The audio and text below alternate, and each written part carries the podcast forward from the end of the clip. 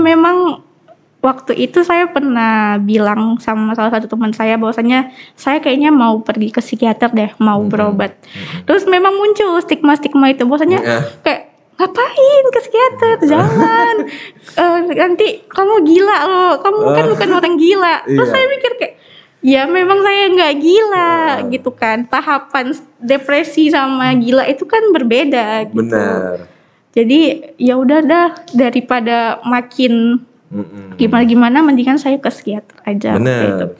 Jadi memang nggak hanya orang dengan gangguan jiwa berat saja yang bisa diobati, orang depresi, cemas bisa datang kok ke psikiater. iya Karena kan di kita juga sudah banyak-banyak juga menjelaskan. Makanya podcast ini juga Mhm. kita membantu nih teman-teman yang mungkin eh, seperti Sisil.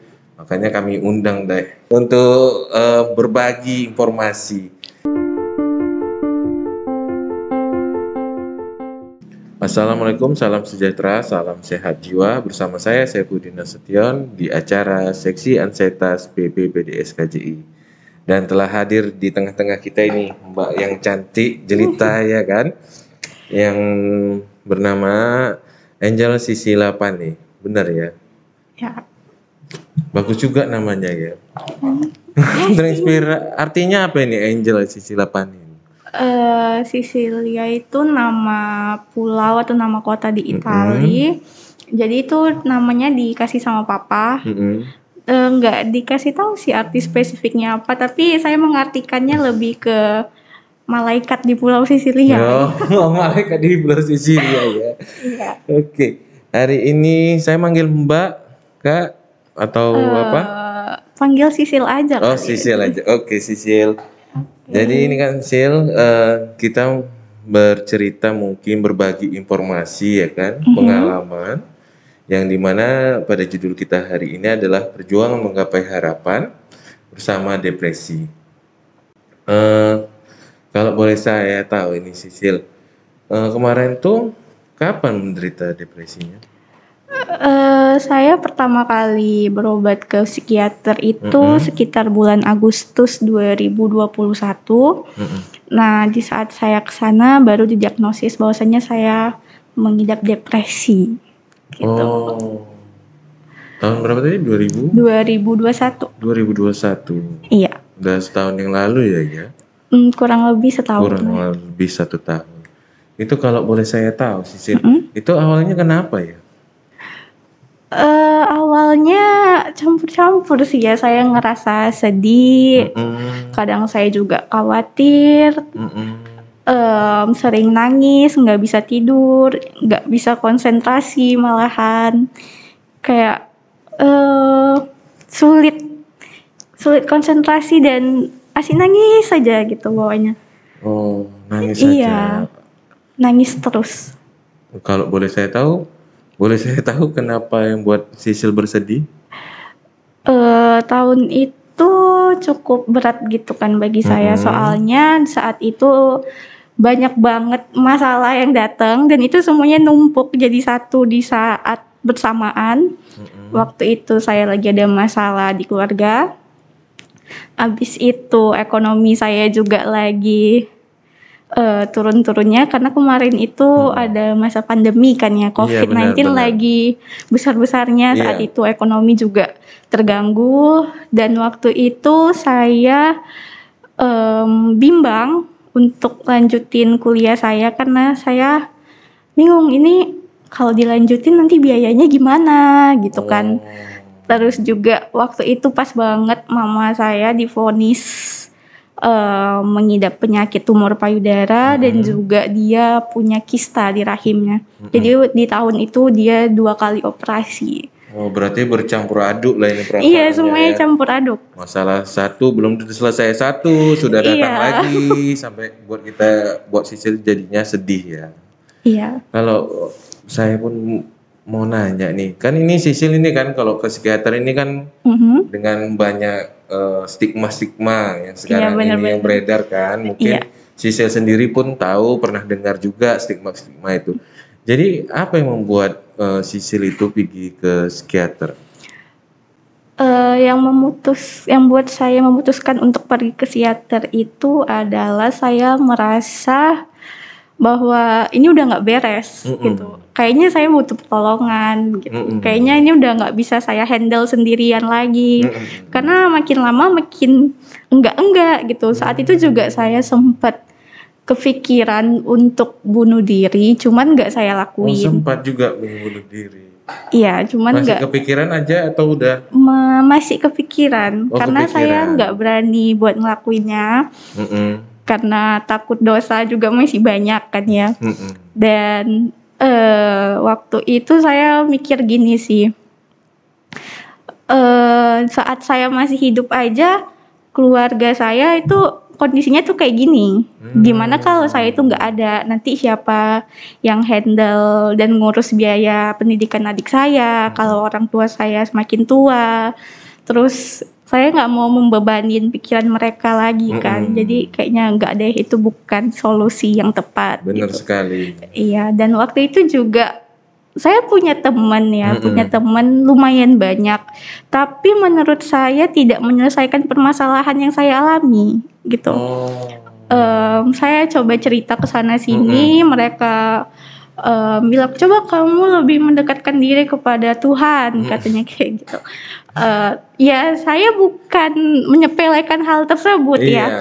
Eh, saya juga merasa saya cukup dekat dengan Tuhan saya. Saya sholat, saya berdoa, saya Mm-mm. ceritakan semuanya ke Tuhan, ke Allah gitu kan. Cuman yang saya pikirkan adalah Allah itu nggak akan membantu saya dengan em, Iya. gimana ya? Nggak mungkin nggak mungkin langsung, langsung gitu terselesaikan. Iya, Pasti, pasti. ada jalan yang lain, Ha-ha. ada yang bisa dari pihak-pihak lain. Iya, Ya kan? mungkin jalannya itu adalah Allah membukakan pikiran saya. Kamu harus Berobat. berobat. Kamu Mm-mm. harus menemukan orang yang tepat yang bisa membantu kamu, yang bisa membawa kamu keluar dari em, dari masalah-masalah ini gitu. Oh. Jadi kebetulan waktu itu juga saya sering melihat salah satu youtuber Mm-mm. dia membahas masalah kesehatan mulai dari kecantikan, kesehatan umum gitu kan Mm-mm. sampai masalah jiwa juga. Terus Oh. saya lihat itu dan kayaknya saya memutuskan untuk berobat. berobat ke psikiater gitu. Oh dari sudah berpengal apa ngelihat YouTube, jadi Mm. stigma-stigma itu pun berkurang juga ya. Iya, karena memang waktu itu saya pernah bilang sama salah satu teman saya bahwasanya saya kayaknya mau pergi ke psikiater deh, mau Mm-mm. berobat. Mm-mm. Terus memang muncul stigma-stigma itu bahwasanya Ya, kayak ngapain ke psikiater jangan Eh, nanti kamu gila loh kamu kan Oh. bukan orang gila terus Iya. saya mikir kayak ya memang saya nggak gila Oh. gitu kan tahapan depresi sama gila itu kan berbeda gitu benar. jadi ya udah dah daripada makin Mm-mm. gimana gimana mendingan saya ke psikiater aja. Benar. Karena kan psikiater itu bukan hanya eh, bisa dikatakan kalau di psikiater sendiri Mm-mm. orang yang gila itu kita bilang dengan eh, gangguan jiwa ya. Jadi memang nggak hanya orang dengan gangguan jiwa berat saja yang bisa diobati, orang depresi, cemas bisa datang kok ke psikiater. iya Karena kan di kita juga sudah banyak-banyak juga menjelaskan. Makanya podcast ini juga Mhm. kita membantu nih teman-teman yang mungkin eh, seperti Sisil. Makanya kami undang deh Kak Mbak Sisil ya kan untuk eh, berbagi informasi. Da- eh, kalau gitu tadi kan Sisil ini kan bisa dibilang lagi banyak masalah, lagi Mhm. banyak sedih ya kan. Mhm. Saya itu Sisil ke psikiater. Apa yang membuat Sisil kembali untuk bersemangat lagi?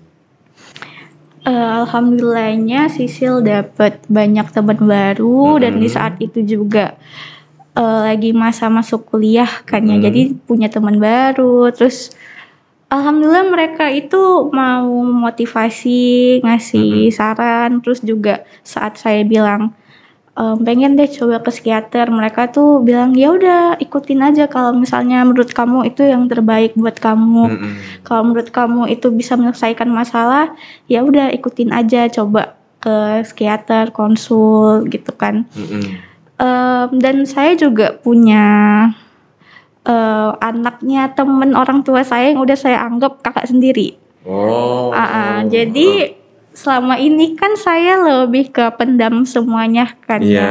nggak pernah cerita sama Heeh, sekali. heeh, Dan heeh. waktu itu saya memberanikan diri untuk nyoba cerita ke dia, karena menurut saya kayaknya dia orangnya pas deh untuk saya ajakin cerita gitu. Oh. Karena saya percaya juga sama dia, terus ya alhamdulillah dia juga ngasih semangat dan di saat saya udah konsul ke psikiater saya kan kemarin tuh sama dokter Ika ya Mm-mm. Alhamdulillah juga dokter Ika itu baik banget, selalu ngebantu, Mm-mm. selalu nanyakin kabar, kasih semangat, dan nggak pernah ngejudge gitu, nggak pernah. Mm-mm. Alhamdulillah. Itu yang memang kalau di psikiater sendiri pun Mhm. psikiatri juga memang pelabelan karena banyak sekarang buat label gitu kan kalau misalnya apa udah kamu jelek kamu ini sampai Mhm. akhirnya sampai membuli kan memang kita ngapain juga ngejudge orang ya kan belum tentu juga kita bisa lebih baik daripada Iya, dia. benar. Mm-mm. dan apa sih tips and triknya dari Sisil nih sehingga Mhm. Sisil ini sudah eh, sekarang sudah lebih baik, lebih kayaknya lebih ceria ya sekarang saya tengok udah senyumnya udah kalau bisa kita kan pakai masker ini kalau Hmm. dilihat dari sini kayaknya senyumnya sudah semeringah gitu. Mungkin ada tips and triknya? Hmm, tips and trick ya. Eh, menurut saya orang yang mengidap depresi itu nggak pengen diem aja kayak gitu. Mm-mm.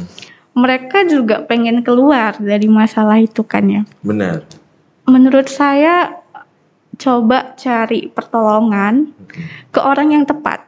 Mungkin ya kita nggak menyepelekan Tuhan kita sendiri, nggak menyepelekan Allah. Itu juga salah satu jalan. Ya kalian bisa mendekatkan diri kepada Tuhan. Tuhan kalian, cerita, terus minta em, kasih jalan gitu kan. Atau cerita ke teman-teman kalian. Tapi menurut saya yang paling penting adalah coba cari seseorang yang bisa paham kondisi kamu, yang mengerti kamu ini kenapa, kamu ini butuh apa. Coba cari orang itu. Kalau menurut saya sih mungkin bisa ke psikiater atau psikolog gitu kan. Karena mereka ini adalah orang yang pas. Mereka tahu masalah yang sedang kamu alami gitu kan. Mereka paham rananya gitu. Menurut aku itu aja sih yang paling penting. Coba cari orang yang tepat dan lebih mendekatkan diri kepada Tuhan gitu. Tapi eh, walaupun kita minta bantuan nih ke seorang psikiater atau psikolog gitu kan, eh, kita juga harus bantu mereka. Jadi nggak bisa satu aja harus barengan gitu. Nah mereka akan bantu kita step by step untuk menyelesaikan permasalahan kita. Dan menurut aku nyaman banget sih, karena mereka nggak akan ngejudge kita, mereka nggak akan bilang bahwasanya oh enggak kamu tuh salah, kamu tuh nggak seharusnya kayak gitu. Enggak, mereka itu nggak kayak gitu. Jadi jangan malu untuk ke psikiater. Oke. Terima kasih Sisil atas tip and tricksnya memang eh, stigma-stigma itu harus memang disingkirkan ya. Iya benar. Dan dokter psikiater maupun psikolog itu pun nggak ada judge-judge kita. Hmm. Terima kasih mungkin ini seperti quotes J.K. Rowling, seorang penulis wanita yang membuat eh, penulis Harry Potter. Mhm. Ada salah satu yang menarik yang dia katakan, "Eh, saya tidak pernah merasa malu karena mengalami depresi. Eh, tidak pernah. Apa yang membuat saya malu? Yang mengalami masa masa sulit dan saya cukup bangga bahwa saya bisa keluar dari situ. Jadi paten kali Mbak Sisi. Terima kasih.